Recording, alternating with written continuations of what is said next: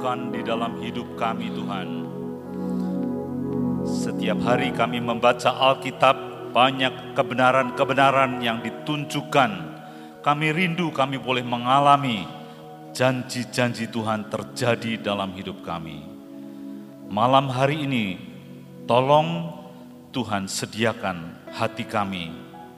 Damai sejahtera daripada Tuhan meliputi kami semua yang ada di sini dan juga yang ada di rumah yang mendengarkan siaran ini. Damai sejahteramu memampukan kami untuk menangkap kebenaran firman pada malam hari ini. Terima kasih Tuhan, terus beracara pada malam ini. Di dalam nama Tuhan Yesus kami berdoa. Amin. Shalom Bapak Ibu Saudara semua. Senang di atas juga banyak saudara-saudara yang datang. Hari ini saya ingin membagikan the power of recognition. Kuasa di dalam pengenalan. Kuasa di dalam pengakuan sama saja recognition itu pengakuan, penghargaan, menghargai ya. Saudara, di dalam Markus 6 itu Tuhan Yesus datang ke Nazaret tempat dia dibesarkan dari kecil. Tetapi orang-orang di Nazaret itu tidak bisa menerima dia sebagai Tuhan. Mereka cuma bilang ini tukang kayu. Mereka tidak menghargai sama sekali. Saya ajak saudara melihat dari Markus pasal 6.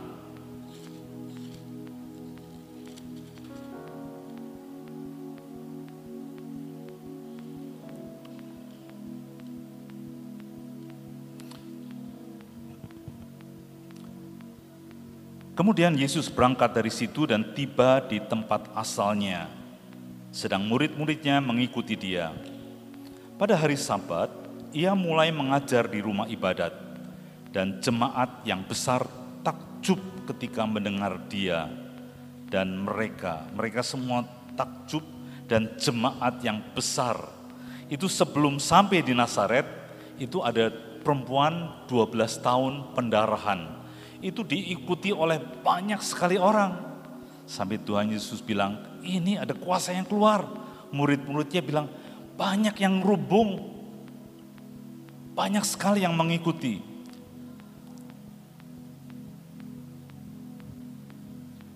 Nah, perempuan tadi menjamah jubah, jubah Tuhan Yesus dan mengalami kesembuhan. Kenapa? Itu karena the power of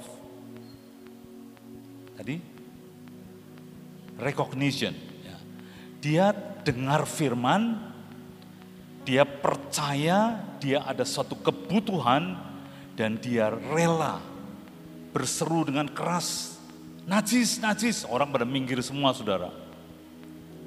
Karena tidak boleh menyentuh akan orang yang sakit seperti ini. Tapi dia dapat. Karena ada pengenalan bahwa ini yang saya kejar adalah anak Allah. Nah, di dalam eh, Markus pasal 6 ini saya lanjutkan dari mana diperolehnya itu orang begitu banyak dari mana diperolehnya semua ini? Hikmat apa pulakah yang diberikan kepadanya? Dan mujizat-mujizat yang demikian bagaimanakah dapat diadakan oleh tangannya? Bukankah ia ini tukang kayu, anak Maria, saudara Yakobus, Yoses, Yudas, dan Simon? Dan bukankah saudara-saudaranya yang perempuan ada bersama kita? Lalu mereka kecewa dan menolak dia. Maka Yesus berkata kepada mereka, seorang nabi dihormati di mana-mana kecuali di tempat asalnya sendiri, di antara kaum keluarganya dan di rumahnya.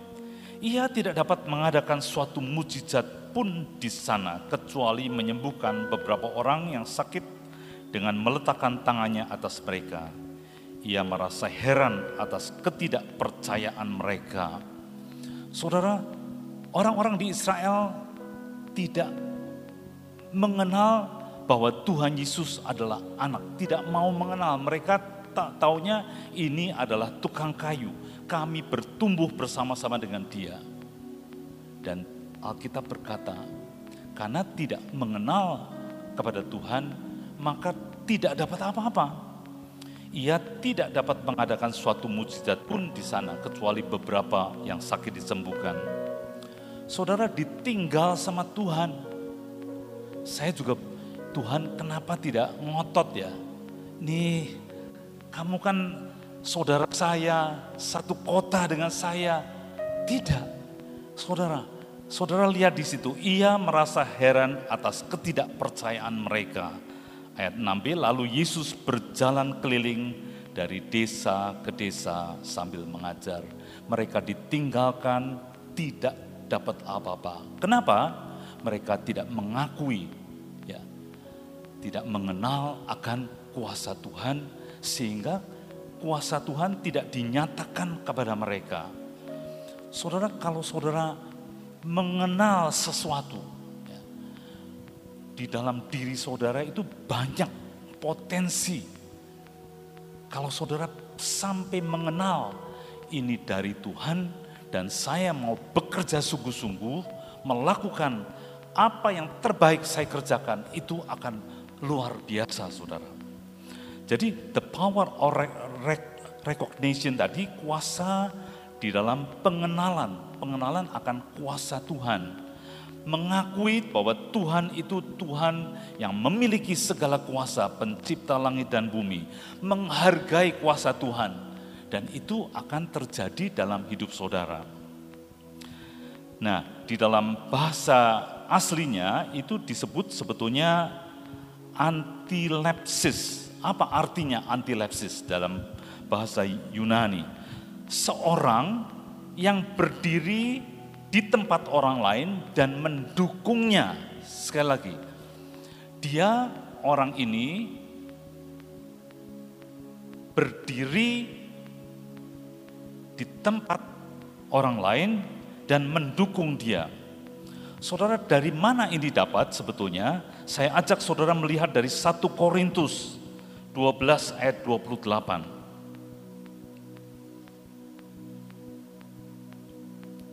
itu ada hal-hal yang Tuhan nyatakan lewat Paulus 1 Korintus 12 ayat 28 firman Tuhan berkata begini dan Allah telah menetapkan beberapa orang dalam jemaat pertama sebagai rasul kedua sebagai nabi ketiga sebagai pengajar selanjutnya mereka yang mendapat karunia untuk mengadakan mujizat untuk menyembuhkan untuk melayani, untuk memimpin, dan untuk berkata-kata dalam roh.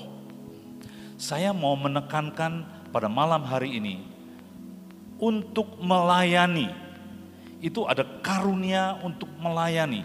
Tadi ada rasul, ada nabi, ada pengajar. Ini karunia-karunia yang diberikan kepada jemaat untuk mengadakan mujizat, menyembuhkan, melayani, memimpin, dan berkata-kata dalam roh, itu sebetulnya karunia-karunia yang untuk mendukung pelayanan di jemaat saudara. Tetapi malam hari ini saya mau menekankan satu, yaitu karunia untuk melayani. Bagaimana kalau saudara mengenal di dalam diri saudara, Tuhan kasih karunia untuk melayani Saudara, banyak orang berpikir bahwa melayani itu ya membantu apa saja. Ini karunia melayani levelnya level untuk melayani kebutuhan-kebutuhan pemimpin-pemimpin, kebutuhan-kebutuhan yang ada di jemaat. Bukan cuma sebagai pembantu saja, tetapi melayani karena ini ada di dalam ayat ini bahwa Tuhan menetapkan berapa orang jadi rasul, nabi, dan pengajar. Dan orang-orang yang ada ini yang Tuhan berikan karunia ini untuk mendukung pelayanan di dalam jemaat.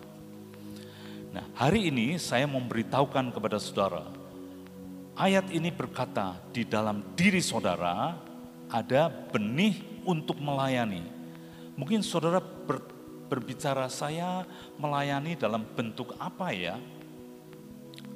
Ada yang multimedia, ada yang menari dan sebagainya.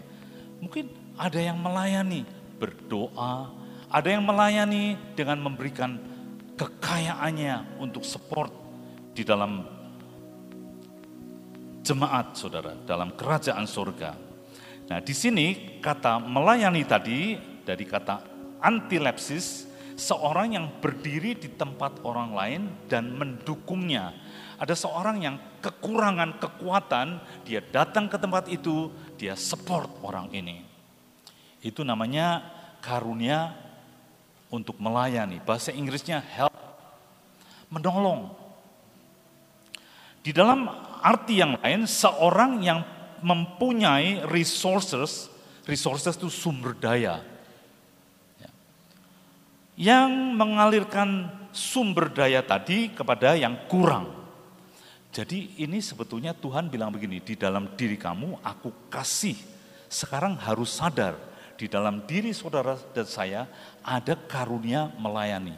Mungkin ada yang masih kecil, tetapi hari ini kita mau belajar bahwa apa yang diberikan Tuhan, kalau saudara serius, itu akan dibuat besar. Di dalam kerajaan Tuhan, saudara menjadi orang-orang yang ambil bagian. Nah saudara, salah satu contoh yang saya dapat adalah Yusuf. Saya senang dengan Yusuf karena dia adalah problem solver. Dia memecahkan masalah apa saja saudara. Di dalam kehidupannya, seseorang yang punya karunia melayani atau menolong atau help antilepsis tadi, dia adalah orang yang punya jalan keluar. Dia punya di dalam dirinya dapat pertolongan daripada Tuhan untuk mengerti masalah dan jalannya keluarnya bagaimana. Itu ada di dalam diri Yusuf. Seluruh kehidupannya itu menjadi jalan keluar untuk orang lain. Saudara, pada waktu dia dijual ke Mesir, dia tinggal melayani, dibeli menjadi budak daripada Potifar. Dan dia mulai melayani akan Potifar. Mungkin dikit, sedikit demi sedikit. Bahasanya dia latih dan sebagainya. Tetapi hari lepas hari firman Tuhan berkata, Potifar itu bisa lihat anak ini ada Tuhan yang menyertai dia. Tetapi Tuhan menyertai Yusuf sehingga ia menjadi seorang yang selalu berhasil dalam pekerjaannya. Maka tinggallah ia dalam rumah tuanya orang Mesir itu. Dia memberikan jalan keluar, jalan keluar jalan keluar dalam seluruh tugas yang dia terima. Tetapi kita lihat dari situ dia boleh tinggal di dalam rumah. Kalau tinggal di dalam rumah Potifar, dia akan bertemu setiap hari dengan Potifar. Potifar bisa melihat Tuhan menyertai orang ini sehingga apa pun masalah yang saya hadapi, kalau saya beritahukan kepada dia, semua diurus dengan baik. Setelah dilihat oleh tuannya bahwa Yusuf disertai Tuhan, bahwa Tuhan member, membuat berhasil segala sesuatu yang dikerjakannya, tugas apa pun dia kerjakan berhasil. Artinya dia dapat sesuatu dari Tuhan untuk bisa memecahkan masalah yang ada. Saudara, kerinduan di seluruh dunia sebetulnya masalah-masalah yang ada ditunjukkan jalan keluarnya dan ini terjadi di dalam Yusuf bahwa dia memuaskan akan Potifar sampai Potifar itu senang sekali dengan Yusuf ini. Dan semua yang menjadi miliknya diserahkan kepada Yusuf, saudara. Saudara di penjara dia juga begitu. Menjadi problem solver. Saudara, orang yang melayani itu perkataan orang lain itu menjadi sesuatu yang ada di dalam hatinya. Pikirannya itu bagaimana orang lain, bukan diri sendiri. Itu orang yang melayani, saudara. Saudara, saya senang dengan kata joy. Joy itu apa? Jesus, others, sama yourself, saudara. Jadi pada waktu seorang mengutamakan Tuhan Yesus, lalu orang lain baru dirinya sendiri, itu ada sukacita di dalam. Dan hari ini Tuhan bilang, saya kasih kepadamu karunia untuk melayani, untuk help, menjadi penolong. Dan kita lihat Yusuf itu dikasih karunia seperti ini, dia dikasih sumber-sumber resources, sumber daya. Dari mana? Dari pengertian-pengertian yang Tuhan kasih sampai dia bisa memecahkan masalah apa saja yang dihadapi oleh Yusuf. Yang dinyatakan oleh Potifar kepada Yusuf, dia mengerti harus berbuat apa. Saya senang sekali kalau saudara dan saya bisa menjadi problem solver. Bagaimana caranya kita menjadi problem solver, saudara. Masalah apa pun. Kalau saudara, ibu saudara punya masalah, saya tackle dan semua beres. Ibunya akan senang. Suami, kalau ada masalah, bilang sama istrinya, saya akan bantu maksimal. Itu menyenangkan. Istri juga, pada waktu suaminya menolong, menyelesaikan masalah, itu sesuatu kebahagiaan. Saudara panggilan, Tuhan bilang, aku kasih karunia untuk menolong. Become help. Menolong saudara, dikasih sama Tuhan. Dan kalau itu yang Tuhan kasih dan saudara mengenali bahwa di dalam diri saudara ada seperti itu, seperti Yusuf dikasih sumber daya, kemampuan yang Tuhan mau kasih untuk saudara bisa berkarya. Karena kalau namanya dikasih untuk menolong, saudara tidak melakukan, itu namanya tidak berbuat apa-apa. Saudara ada hamba Tuhan namanya Tony Barnett. Itu saya pernah mendengar khotbah dia, dia pernah datang ke JKI Injil Kerajaan pada waktu hamba Tuhan Petrus Agung ada di sana, saudara, dia itu bercerita begini, dalam satu hari, hari Sabtu, dia sedang mempersiapkan khotbah, itu rumahnya diketok oleh orang dengan keras. Sebetulnya kepengenannya sih tidak terganggu persiapan dia, tetapi dia keluar ternyata yang datang siapa? Orang homeless. Di Amerika itu banyak orang pegang kertas gede, karton, ditulisi homeless. Mereka banyaknya di pertigaan, di tempat-tempat yang polisi tidak suka datang. Mereka bilang homeless, homeless, orang suka kasih sesuatu kepada mereka. Dan ini yang datang homeless ke rumahnya Tony Barnett, pendeta Tony Barnett ini. Dan apa yang terjadi pendeta Tony Barnett dia tahu dia sedang mempersiapkan firman dan dia digerakkan Tuhan bilang, kamu harus percaya kepada Tuhan. Besok datang ke pertemuan di gereja. Tetapi dia juga lihat orang ini bajunya kumuh sekali, sudah lama mungkin tidak ganti baju.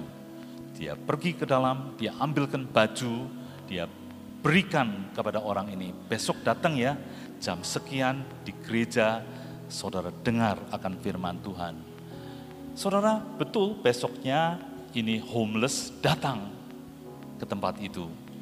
Dia mendengarkan firman, dan apa yang terjadi menyentuh akan hidup dari Bapak ini. Saudara, orang homeless itu kalau dikasih baju, gereja membuka. Misalnya lagi dingin sekali, minus 20. Itu gereja-gereja biasanya membuka membuka gerejanya untuk mereka boleh nginep di situ. Mereka dikasih fasilitas macam-macam, tetapi biasanya balik lagi karena habitatnya itu senangnya kumpul sama teman-temannya yang homeless, saudara. Tetapi orang ini pada waktu dijamah oleh Tuhan, dia bertobat, dia hidup sungguh-sungguh, percaya kepada Tuhan Yesus, dan apa yang terjadi saudara? Ini kakaknya itu seorang yang sangat kaya.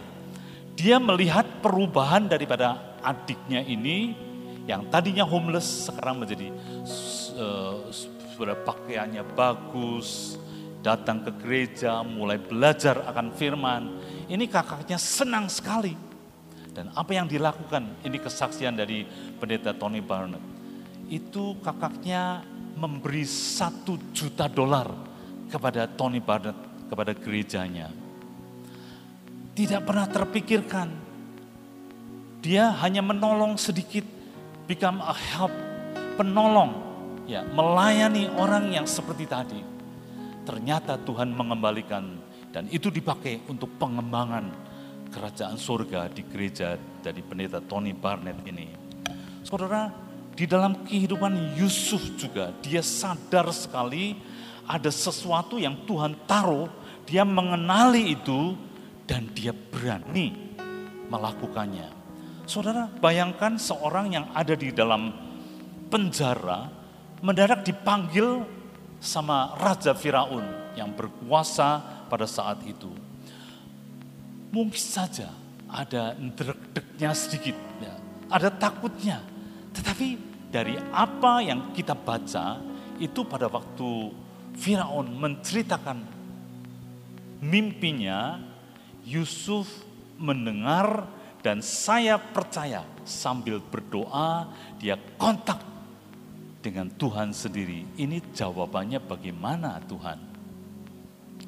Dan begitu Firaun selesai, dia pinter sekali. Siapa yang pinter? Tuhan yang pinter karena dia tahu di dalam dirinya ada roh Tuhan. Dari waktu ke waktu setiap dia berkatakan sesuatu kepada Potifar itu terjadi. Setiap dia katakan sesuatu kepada kepala penjara terjadi saudara. Dan pada waktu dia mendengar mimpi dari Firaun, dia tidak, aduh ini kalau ngomong nanti kalau tidak terjadi bagaimana ya? Tidak, dia berani dia berkata, mimpinya sama. Dua kali itu artinya pasti akan terjadi. Nanti ada kelimpahan tujuh tahun, ada kekurangan tujuh tahun. Harus punya orang yang berhikmat, yang ngatur semuanya.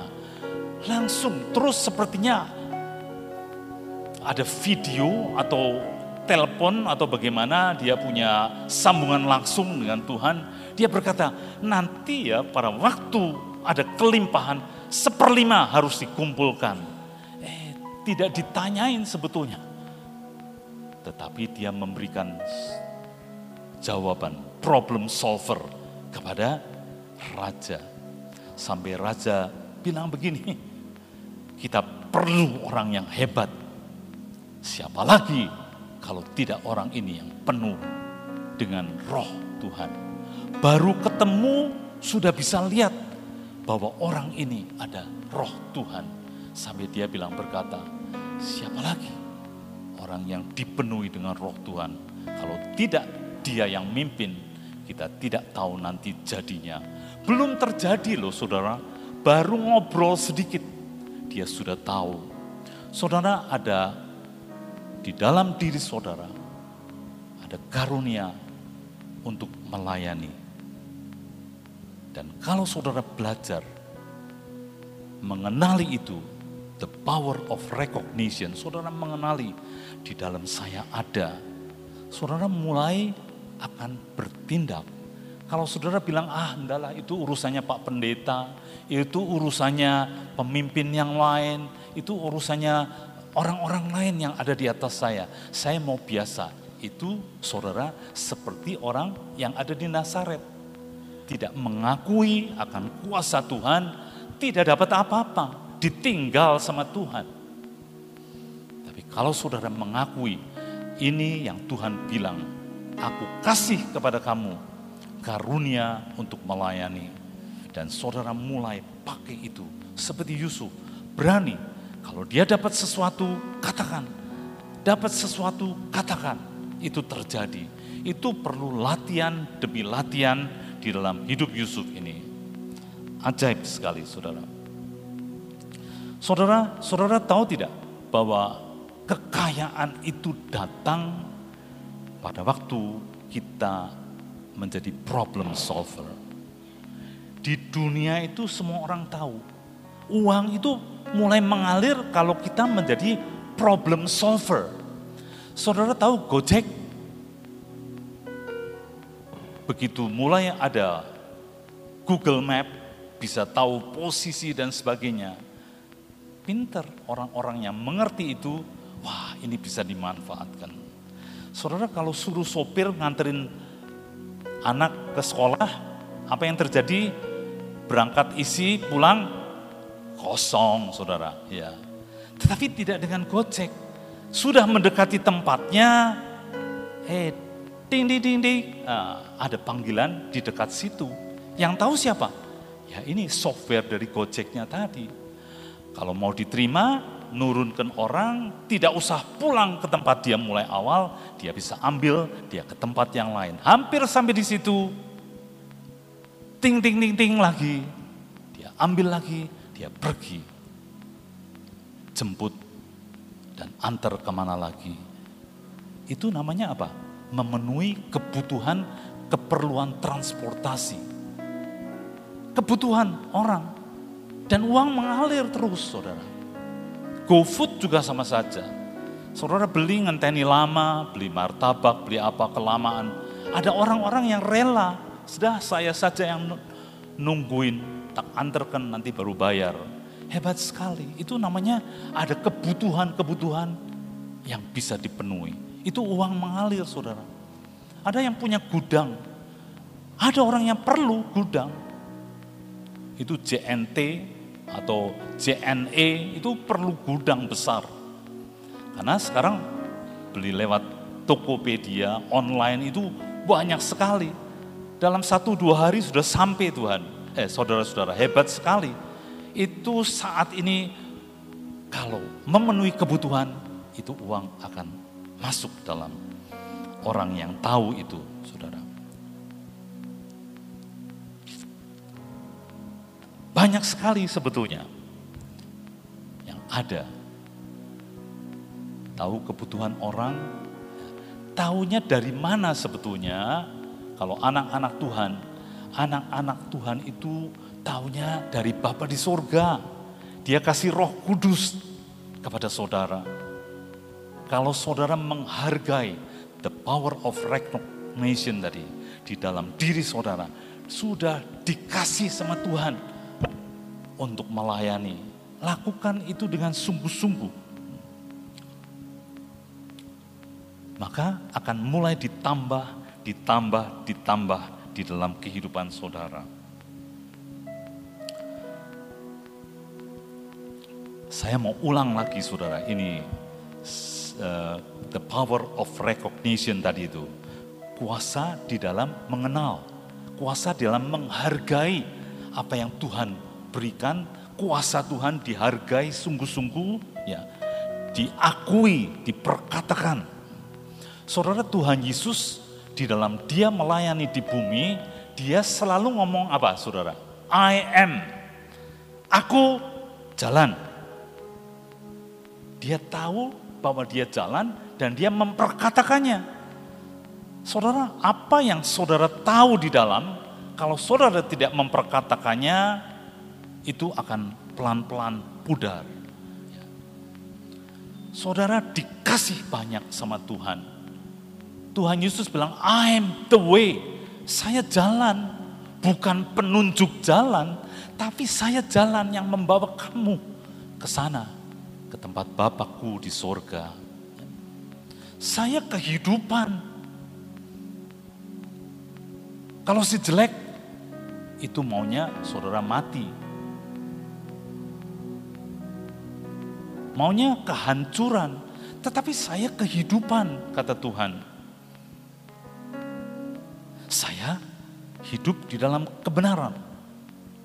I'm the truth, saya kebenaran. Tuhan bilang begitu. Karena Tuhan tahu siapa dirinya, dia memperkatakan lebih daripada 40 kata-kata I am, I am, saya adalah kebangkitan. Saudara, dia menyatakan apa yang dirinya siapa. Dan itu pelajaran untuk saudara juga. Kalau saudara menghargai, mengakui ya the power of recognition tadi itu akan terjadi dalam hidup saudara. Saudara mulai ditambah seperti Yusuf tadi, sedikit demi sedikit dia makin naik sampai akhirnya menjadi orang nomor dua. Jadi melayani itu fokus kepada orang lain, fokus kepada problem solver masalah apa saja, tanya dan dapat jawaban daripada Tuhan dan disampaikan. Jadi kemampuan ini datangnya dari Tuhan karena Tuhan berkata karunia, karunia itu tidak didapat dengan usaha tapi diberikan oleh Tuhan. Saudara, kemampuan-kemampuan sedang Tuhan turunkan dalam hidup anak-anak saya selalu ingat kalau Pak Yusak cerita bahwa ada orang yang tanya, saya bisa apa ini? Suami saya sudah meninggal, saya tidak bisa berbuat apa-apa. Lalu waktu didoakan bikin resoles, ternyata dia bikin tidak pernah terpikir dia bukan orang yang pinter masak, tetapi pada waktu dinyatakan dan dia respon, dia mulai mengenali, oh yang saya tidak bisa lihat, Tuhan bisa lihat. Ternyata saya bisa bikin resource. Dicoba, dicoba, sampai dia bisa menyekolahkan tiga anaknya di luar negeri. Itu saya ingat betul saudara. The power of recognition. Saudara harus mengenal. Tanya Tuhan di dalam diri saya itu modal apa yang Tuhan sudah kasih. Saya mau mengembangkannya. Kalau dikasih sama Tuhan, pasti resources sumber daya itu berdatangan semuanya saudara. Jadi fokus pada problem solver, orang yang melayani fokus kepada orang lain, others, bukan cuma dirinya sendiri. Lalu dikasih pengertian-pengertian yang baru. Mungkin saudara bertanya, Tuhan saya ini bumpet tidak mengerti harus berbuat apa? Dagang apa ya Tuhan? Yang ini sudah gagal, yang itu gagal. Belajar mikir orang lain, belajar mendoakan orang lain, Tuhan teman saya ini punya masalah, apa yang harus dikerjakan? Tidak mikir cuma diri sendiri. Di penjara Yusuf tuh bisa mengasihani diri sendiri. Dia bilang, aku tidak salah. Nyonya Potifar yang gara-gara ini. Tidak, dia mikirin orang lain. Others. Dan dari situ dia dapat pewahyuan yang membawa dia masuk ke dalam istana. Saudara selalu ada. Saya ingat saya pada waktu selesai sekolah saya bekerja di satu tempat namanya Bruce Peninsula. Itu ada proyek besar sekali itu di Kanada. Saya masuk di dalam tim engineering dari proyek tadi. Mereka harus mendirikan satu tower yang tingginya 100 meter. Dibikin 10 eh, meter, 10 meter. Diameternya juga 10 meter. Dan bagaimana bikinnya harus horizontal? Seperti silinder horizontal, ngelas, dan sebagainya, lalu harus diberdirikan, saudara. Dan mereka semua mencari jalan, saya berdoa sama Tuhan, Tuhan tunjukkan jalan, saya dapat kayak mengerti sesuatu, saya usulkan kepada atasan saya, lalu mulai disetujui, saya desain, lalu didapat approval dari kantor pusat, itu dibuat alat tadi, alat itu bisa membuat silinder tadi berdiri dan diangkat sampai tower yang 100 meter, saudara. Saudara, di dalam diri saudara dan saya ada kemampuan-kemampuan ilahi. Tapi saudara harus terima dulu apa yang Tuhan katakan. Tuhan memberi kepada saudara karunia untuk melayani. Terima itu, sadari itu, dan kalau dikasih sama Tuhan, yang lain-lain itu ditambahin terus untuk saudara bisa menjadi menolong yang ajaib. Saudara di Amerika ada namanya Letourne, itu orang sebetulnya cuma sekolah sampai kelas 7 ini zaman sebelum perang dunia pertama, saudara. Tetapi dia itu dekat dengan Tuhan, dia kepengen sekali, dia senangnya teknik, saudara. Saya dari kecil senangnya teknik. Ditanya mau sekolah apa, saya mau sekolah jadi insinyur. Tidak mau yang lain. Saya sudah mengerti hal itu dari kecil, saudara. Nah orang ini juga sama saja, Letourne tadi.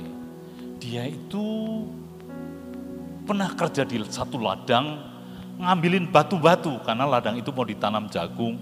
Angel sekali ya, ngambil batu pakai kelobak, dibawa ke tempat yang tertentu sehingga tanah itu bisa ditanami. Eh saudara dapat pewahyuan dari Tuhan.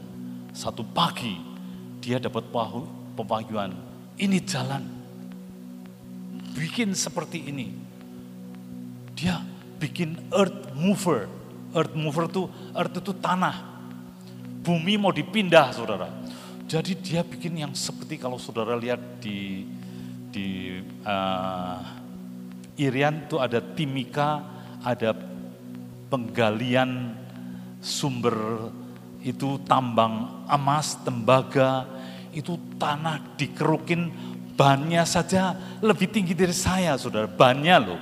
Belum lagi itu cedoknya, Gede-gede sekali. Dan orang ini dikasih ilham seperti Tuhan. Itu sama Tuhan, lalu dia bawa ke tempat engineering, ditunjukkan dia menjadi orang yang sangat kaya lewat pewahyuan daripada Tuhan. Itu jalan-jalan di Amerika, Amerika kan infrastrukturnya hebat sekali. Indonesia baru dari Sabang, eh bukan Sabang, dari mana itu Merak sampai mana ya Purboling, Probolinggo belum sampai Banyuwangi saudara. Di Amerika mana-mana, di atas ada, tengah ada, bawah ada, lalu yang dari bawah ke atas ada. Kenapa? Infrastruktur membuat barang-barang jadi murah, ongkosnya jadi murah. Nah orang ini dikasih pemahyuan sama Tuhan dan dia dalam hidupnya, dia berbilang begini sama Tuhan, Tuhan ini kepandian datangnya daripadamu. Aku menyerahkan 90% apa yang Tuhan berikan kepada saya, aku kembalikan kepada Tuhan. Aku hanya hidup dari 10%. Saudara, hari ini kalau saudara kasih karunia untuk melayani, itu sebetulnya kerinduan Tuhan untuk saudara bisa makin. Tadinya pelayanannya mungkin cuma sedikit, tambah lagi. Dapat sesuatu dari Tuhan, tambahkan lagi. Itu kerinduan hati Tuhan. Melihat anak-anaknya melakukan apa yang dia kasih, dipercayakan talenta, bikin double, bikin double lagi Nah itu yang menyenangkan hati Tuhan. Kalau dikasih talenta cuma disimpan di tanah, dibungkus sama sapu tangan, lalu dikembalikan. Itu hamba yang jahat. Ada lagi saudara.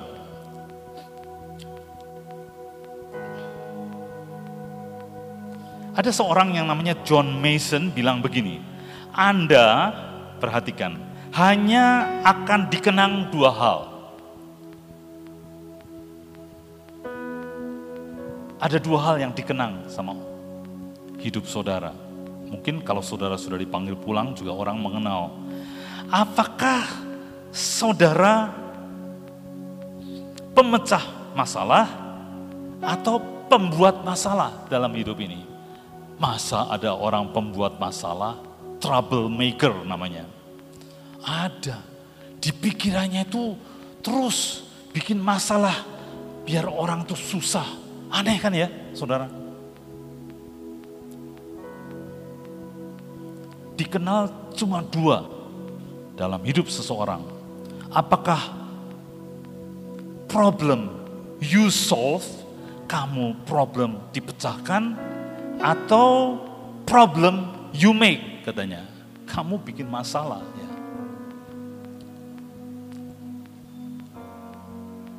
Saya harap saudara menjadi pemecah masalah. Katakan amin kalau percaya. Ya, harus. Itu harus terjadi. Tadi saya sudah sampaikan, kalau pemecah masalah itu uang berdatangan. Masalah apa saja datang, saudara. Dokter sama saja sebetulnya. Dia orang sakit bermasalah. Pengetahuan yang dia ada, dia sampaikan, dikasih obat. Ya pemecah masalah, bukan problem maker, ya. trouble maker ya. Lalu hidupmu apakah memudahkan orang lain atau membuat kehidupan orang lain susah? Sekali lagi ya, hidup saudara bikin orang gampang atau bikin orang susah. Saudara kalau nggodok air, ya pagi-pagi nggodok air, bikin minuman, kalau pakai ceret, nyarain, nyalain apa? Kompor gas, ya. Itu perlu waktu lama. Tetapi orang bikin itu pemanas elektrik ya. Dah tinggal ngucurin air sedikit sampai itunya kelem, apa yang besinya yang panas tadi, cukup nyalain dalam satu dua menit sudah mendidih saudara. Itu namanya bikin mudah hidup orang. Senang, saya sudah punya itu lama beli di Singapura, tidak rusak-rusak sampai hari ini. Pernah rusak saya perbaiki, jalan lagi sampai hari ini. Itu menyenangkan. Dalam kehidupan saudara, produk-produk yang dibuat sampai menolong hidup saudara itu menyenangkan. Ya. Jadi kita ingin sebetulnya dalam hidup ini memberi pertolongan kepada orang lain. Dan itu kalau sudah didengar orang produk itu bagus, sebentar laris saudara. Uang akan masuk. Ya. Jadi hidup saudara apakah mempermudah orang atau bikin susah orang? Saya di dalam perusahaan saya setiap hari juga bekerjanya mempermudah pegawai saya.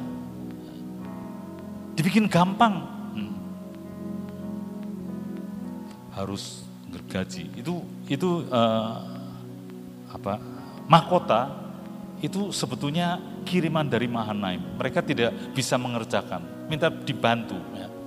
Saudara mulainya susah, ya, karena kalau dibiarkan mereka kerja, ya segitu itu bisa. Tapi dengan dibantu pakai komputer, dipotong pakai laser dan sebagainya, mereka bisa mengerjakan dengan cepat. Dan mereka senang, karena apa? Saya punya kontribusi untuk perusahaan ini. Karena yang tadinya lama, sekarang cepat bisa dikerjakan. Saudara harus melakukan di rumah saudara juga.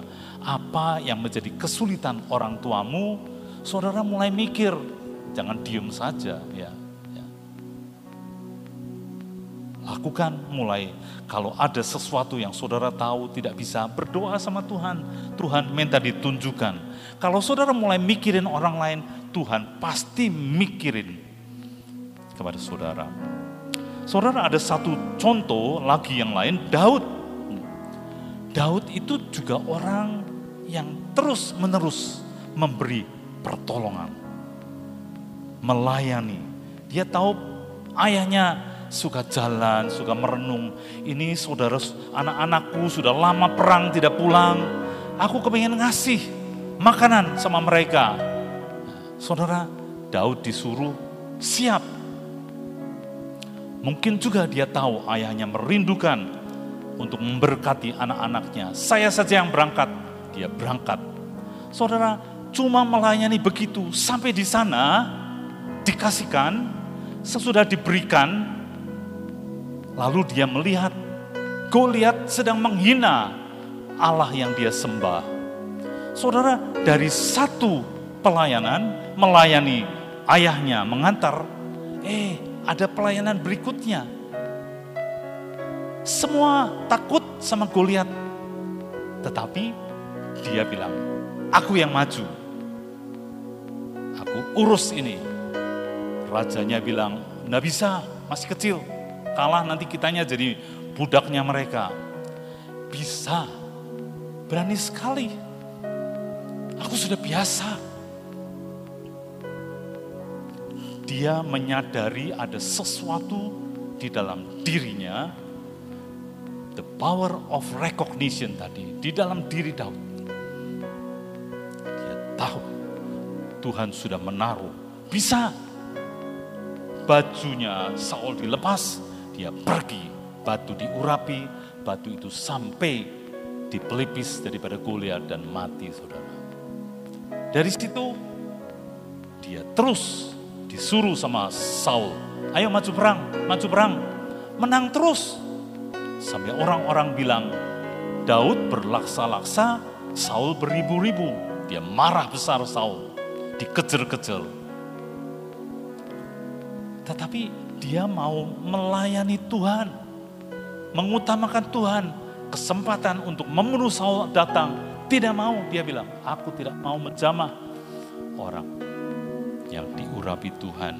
Itu namanya dia menghormati.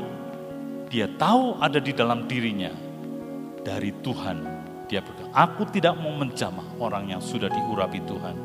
Sampai waktunya dia Saul mati, dia menjadi raja. Saudara, perjalanan dari mengantar makanan sampai ke raja itu terus mengantri dalam kehidupannya Walaupun dia memerlukan waktu 13 tahun mungkin sampai dia menjadi raja. Tetapi Yakub berkata, apa yang aku alami seperti sekejap saja waktu dia menantikan untuk boleh menikah. Saudara, kalau saudara mulai menyadari ada karunia melayani dan saudara hormati itu dari Tuhan, percaya itu jangan seperti orang Nazaret ditinggal sama Tuhan, tidak dapat apa-apa. Pada waktu saudara percaya sungguh-sungguh kuasa Tuhan dinyatakan nanti dalam hidup saudara. Saudara perlu bertanya-tanya dalam hidup saudara. Tadi Roh Kudus diberikan kepada saudara saya, Tuhan, saudara dan saya dikasih Roh Kudus. Tuhan, siapa yang bisa saya bantu? Tanyakan saja, ya. Itu namanya saudara menyediakan diri untuk dipakai karunia yang Tuhan sudah kasih karunia melayani dalam hidup saudara. Siapa yang saya bisa bantu Tuhan? Tanyakan. Saya dibesarkan sebagai anak pendeta, ya. Hari-hari ini saya dikasih karunia Tuhan untuk paling tidak lebih dari 150 pendeta di Indonesia saya teleponin saudara. Karena pernah datang ke sana. Pernah datang ke sana, ada daftarnya. Kan kalau datang bikin seminar, pendeta-pendeta dikumpulkan, diberkati mereka, lalu ada daftarnya itu walaupun 14 tahun yang lalu itu ada nomor HP-nya ya. Saya coba telepon, Pak, apakah ini Pak Lukas? Bukan. Nah, oh, ngerti. Teleponnya sudah ganti, saudara. Ya sudah, dicoret. Ya. Yang lain, ada satu deret, teleponin lagi. Ya. Pak, apa ini Pak Markus? Betul Pak. Wah, teleponnya masih sama, saudara apa yang bisa dilakukan? Mereka itu tidak ada kebaktian, tidak ada persembahan. Saya dari dulu mikirnya orang-orang di desa itu susah, saudara. karena tidak ada persembahan. Tapi pelan-pelan saya itu mengerti pada waktu mendengar khotbah-khotbah dari Jakarta, dari Mahanaim juga, saudara. Khotbahnya bilang apa? Ada pendeta yang tidak bisa bayar kontrak. Karena sampai hari ini saya telepon pendeta di sana belum kebaktian. Kalau sewa ruko kan harus bayar rukonya. Harus bayar kasih PK sama pemain musik yang melayani di situ ya. Saudara, ternyata di kota juga mengalami kesulitan besar. Sampai seorang hamba Tuhan di Jakarta bilang, dia tidak bisa melanjutkan karena jemaatnya tidak ada yang datang kebaktian, tidak boleh, tidak bisa bayar. Akhirnya dia pulang ke Nias, di Nias tempat asal dari dia, karena dia berdoa, Tuhan tunjukkan aku harus berbuat apa ini. Dia di sana mulai pelayanan, maju, bahkan bikin tripping pisang dikirim ke Jakarta, saudara. Dan sekarang maju sekali. Jadi kita lihat ajaib sekali. Kalau saudara tetap mau melayani Tuhan, itu pintu-pintu dibukakan, saudara. Dan saya boleh melayani mereka lewat telepon. Kalau lewat WA cuma ya basa-basi sedikit lah. Kalau telepon saya tahu anaknya berapa, sudah berapa lama pelayanan, ya, apakah masih lockdown, tidak boleh kebaktian, saya mengerti. Ada kemarin ada dari Aceh, dari Leuser, itu pegunungan di Aceh, dia ada di sana. Ya. Saya tanya, ada kebaktian enggak? Ada pak, tidak pernah berhenti di sini. Karena di tengah hutan, tidak ada yang datang, juga tidak ada yang sakit di sini. Ya, mengucap syukur mereka bisa ada kebaktian-kebaktian terus. Ikut senang, nah, tapi ada di telepon, aduh sudah lama sekali. Terima kasih untuk persembahan yang diberikan. Saya bisa beli susu untuk anak saya. Saya bisa beli beras. Saudara, kalau saudara mulai belajar melayani, itu resources datang sendiri. Nggak usah bilang macam-macam. Tuhan bisa menggerakkan, saudara. Itu George Miller di di Inggris, dia melayani orang-orang yat, anak-anak yatim piatu. Satu malam, sudah tidak ada makanan, piringnya kosong semua. Dia bilang sama anak-anak, ayo kita berdoa sama Tuhan. Eh, ada perusahaan roti yang ngirimin banyak sekali, saudara. Tidak tahu sebab apa, mungkin mereka ada order dibatalin, dikirimin, mereka makan pada malam tadi.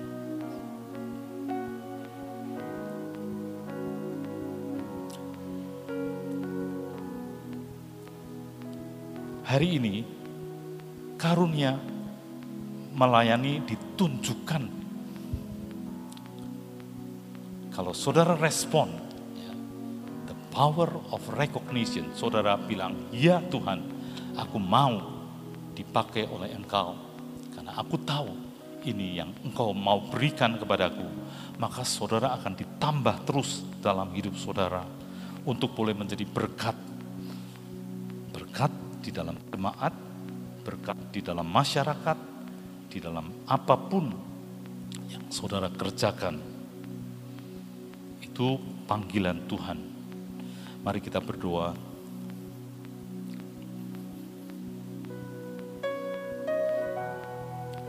Kami percaya Tuhan bahwa Engkau mengasihi kami semua, baik yang di rumah maupun yang di sini Tuhan. Hari ini diberitahukan ada karunia melayani the gift of help. Ada di dalam diri kami. Kami mau menghargai kami mau mengakuinya kami mau mengenalnya akan karunia ini. Dan kami percaya terjadi dalam hidup kami seperti yang dirindukan oleh Bapa di surga.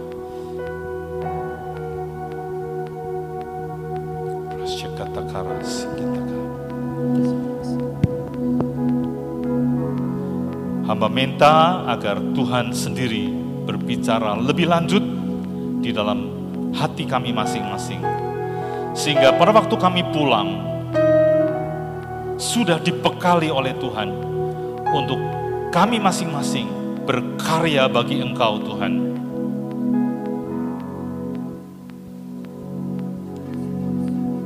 Seorang yang berdiri di tempat orang lain dan mendukung.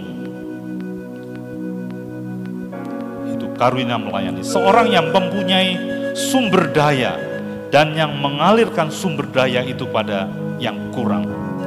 Kami percaya Tuhan, sumber daya diberikan oleh Tuhan.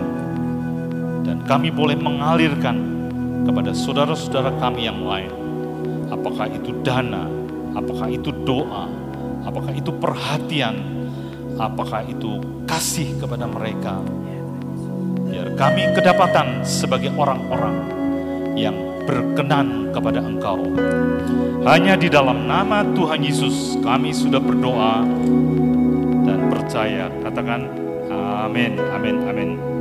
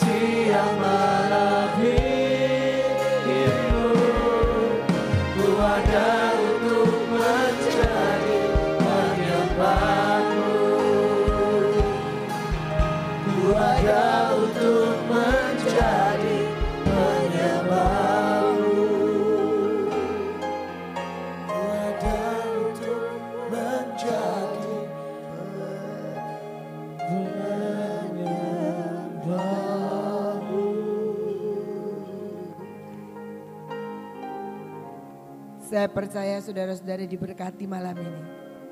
Amin, saudara-saudara. Saya sangat diberkati bahwa ternyata di dalam diri kita ada begitu banyak potensi, kapasitas yang Tuhan berikan untuk kita memperhatikan orang lain. Mungkin kita terlalu lama untuk mikirin diri sendiri, tapi percaya bahwa ketika kita memikirkan orang lain, ketika kita bisa menjadi problem solver buat orang lain, maka di situ Tuhan akan mikirin kita. Dan juga Tuhan akan menyatakan lebih besar, lebih besar dan lebih banyak lagi.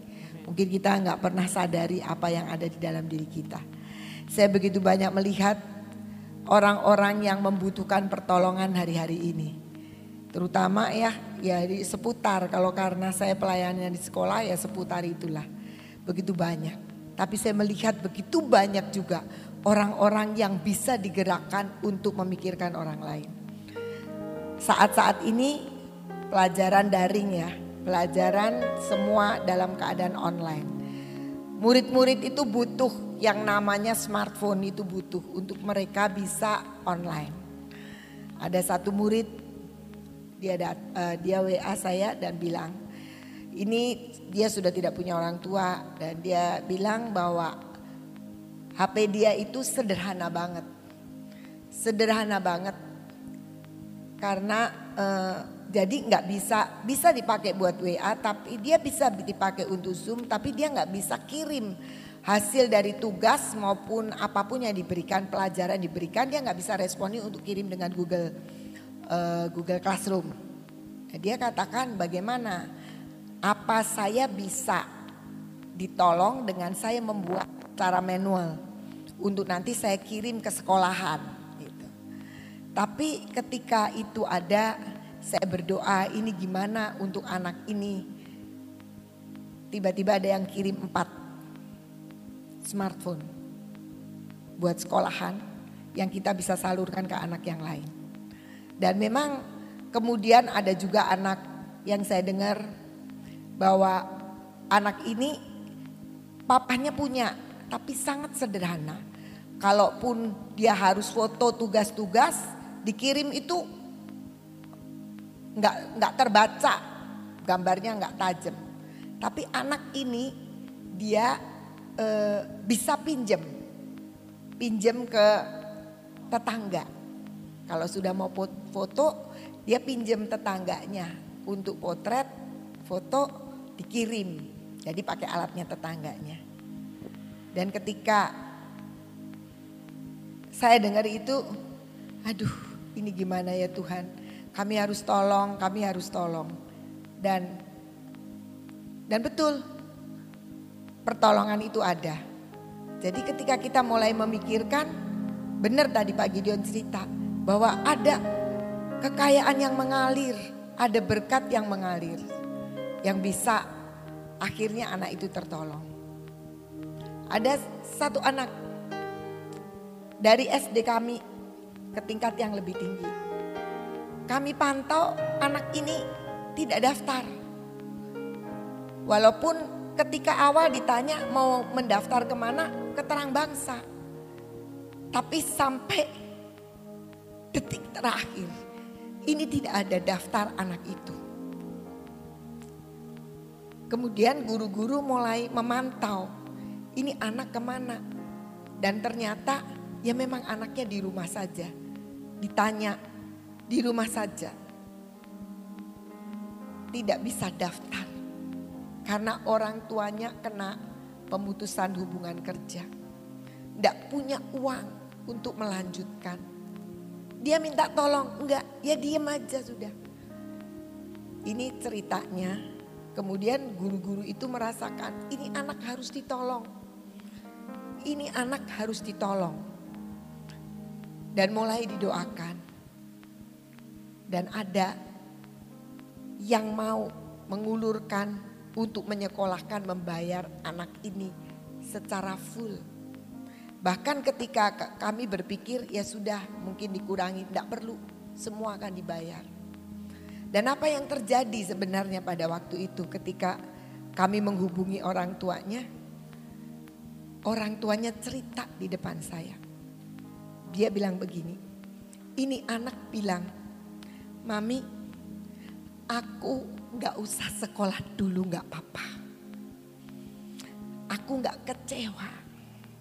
Kalau papi mami nggak punya uang, aku libur dulu satu tahun nggak apa-apa. Nanti aku pinjem teman-temanku buku, aku mau belajar sendiri. Nanti tahun depan aku akan masuk kelas 7, aku ndak malu Walaupun aku ketinggalan satu tahun. Mamanya nangis, papanya nangis. Terus mamanya bilang gini. Nak, itu sebenarnya tanggung jawab mami untuk menyekolahkan kamu. Tapi sekarang ini mami gak bisa tolong kamu. Tapi Tuhan bisa tolong kamu. Dan apa yang terjadi? Setiap jam 12 malam anak ini keluar dari kamar Mamanya mikir apa yang terjadi. Anak ini duduk di ruang tamu dan mulai berdoa. Dia bilang, Tuhan bisa tolong saya untuk saya sekolah. Walaupun dia sudah katakan aku ndak malu kalau aku libur satu tahun. Tapi dia tetap berdoa karena mamanya bilang, mami tidak bisa tolong. Tapi Tuhan bisa tolong. Dan ketika kami telepon anak uh, orang tuanya untuk datang. Orang tuanya datang dan ternyata ada yang bisa membayar. full. Itu maminya nangis di depan saya. Ketika itu dia cerita sama anaknya, anaknya nangis dan bersyukur sama Tuhan. Jadi kita tahu bahwa di sekeliling kita ada begitu banyak orang-orang yang saat-saat ini butuh pertolongan. Tapi kita bersyukur kalau hari ini firman itu mengingatkan bahwa kita ini dipanggil Tuhan untuk jadi problem solver. Amin. Mari kita berdoa. Apa yang Tuhan mau lakukan di dalam diri kita. Apa yang Tuhan ingin kita bisa lakukan untuk kita bisa menjadi jawaban buat masalah orang lain. Kita bukan menjadi troublemaker, tapi kita menjadi problem solver. Tuhan akan pakai kita untuk kita bisa lakukan lebih besar, lebih besar lagi.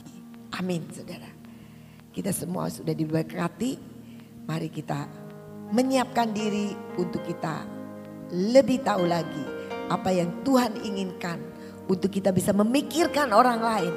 Karena mungkin kita tidak pernah tahu siapa yang sebenarnya yang dekat atau yang jauh dari kita yang sedang punya begitu banyak pergumulan dan membutuhkan pertolongan.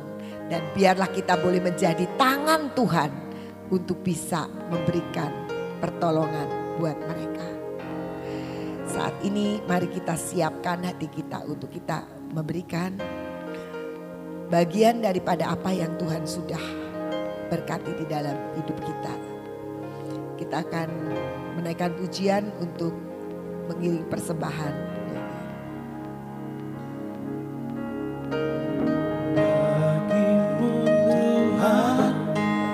Dapat lakukan. Jauh lebih besar dari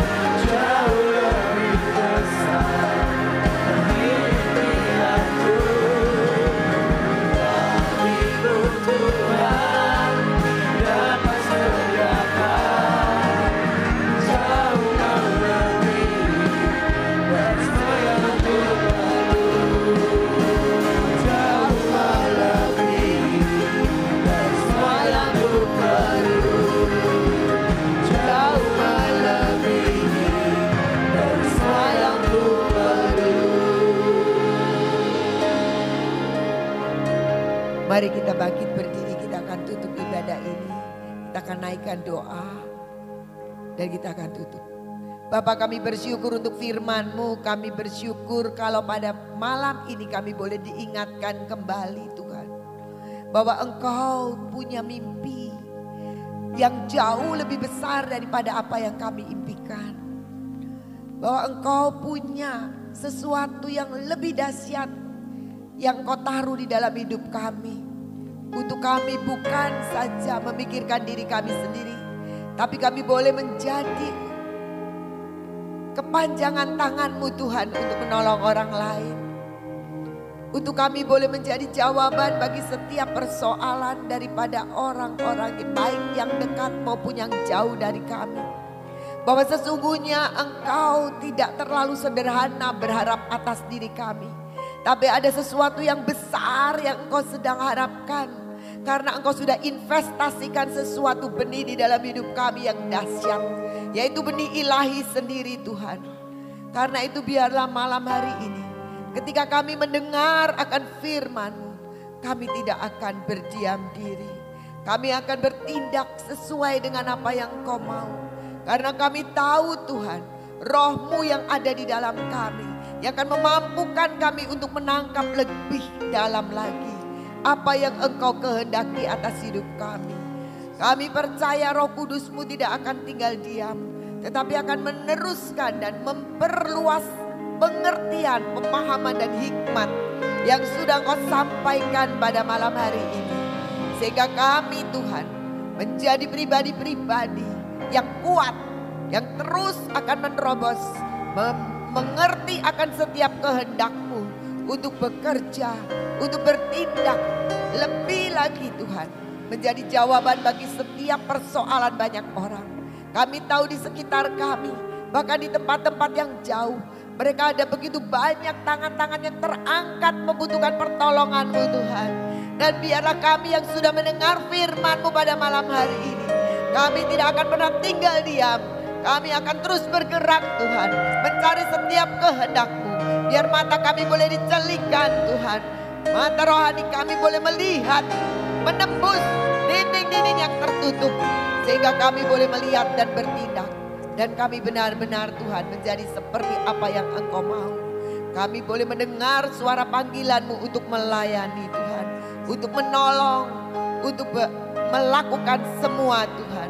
Bahkan yang belum pernah kami lakukan, kami menjadi mampu melakukannya karena Engkau ada di dalam kami.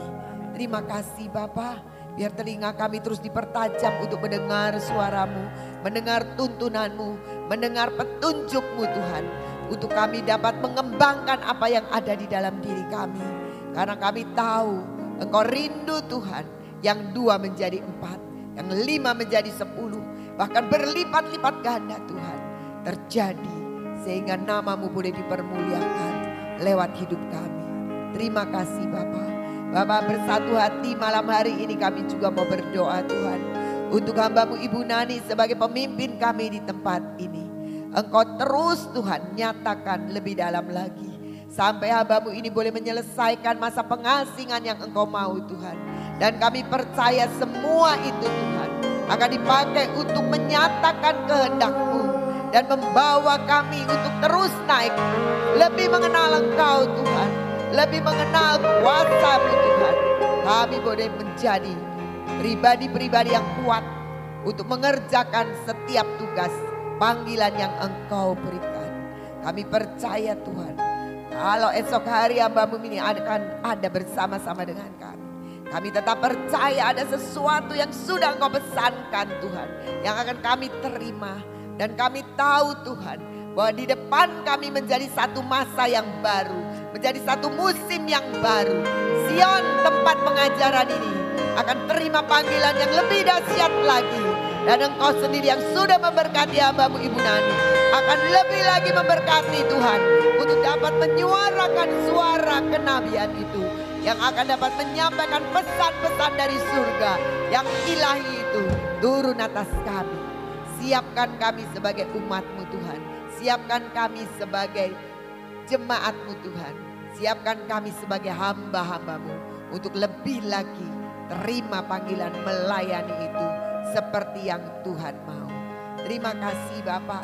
Kami mengucap syukur karena kami tahu Tuhan masa pandemi ini bukan menjadi masa yang sukar bagi kami.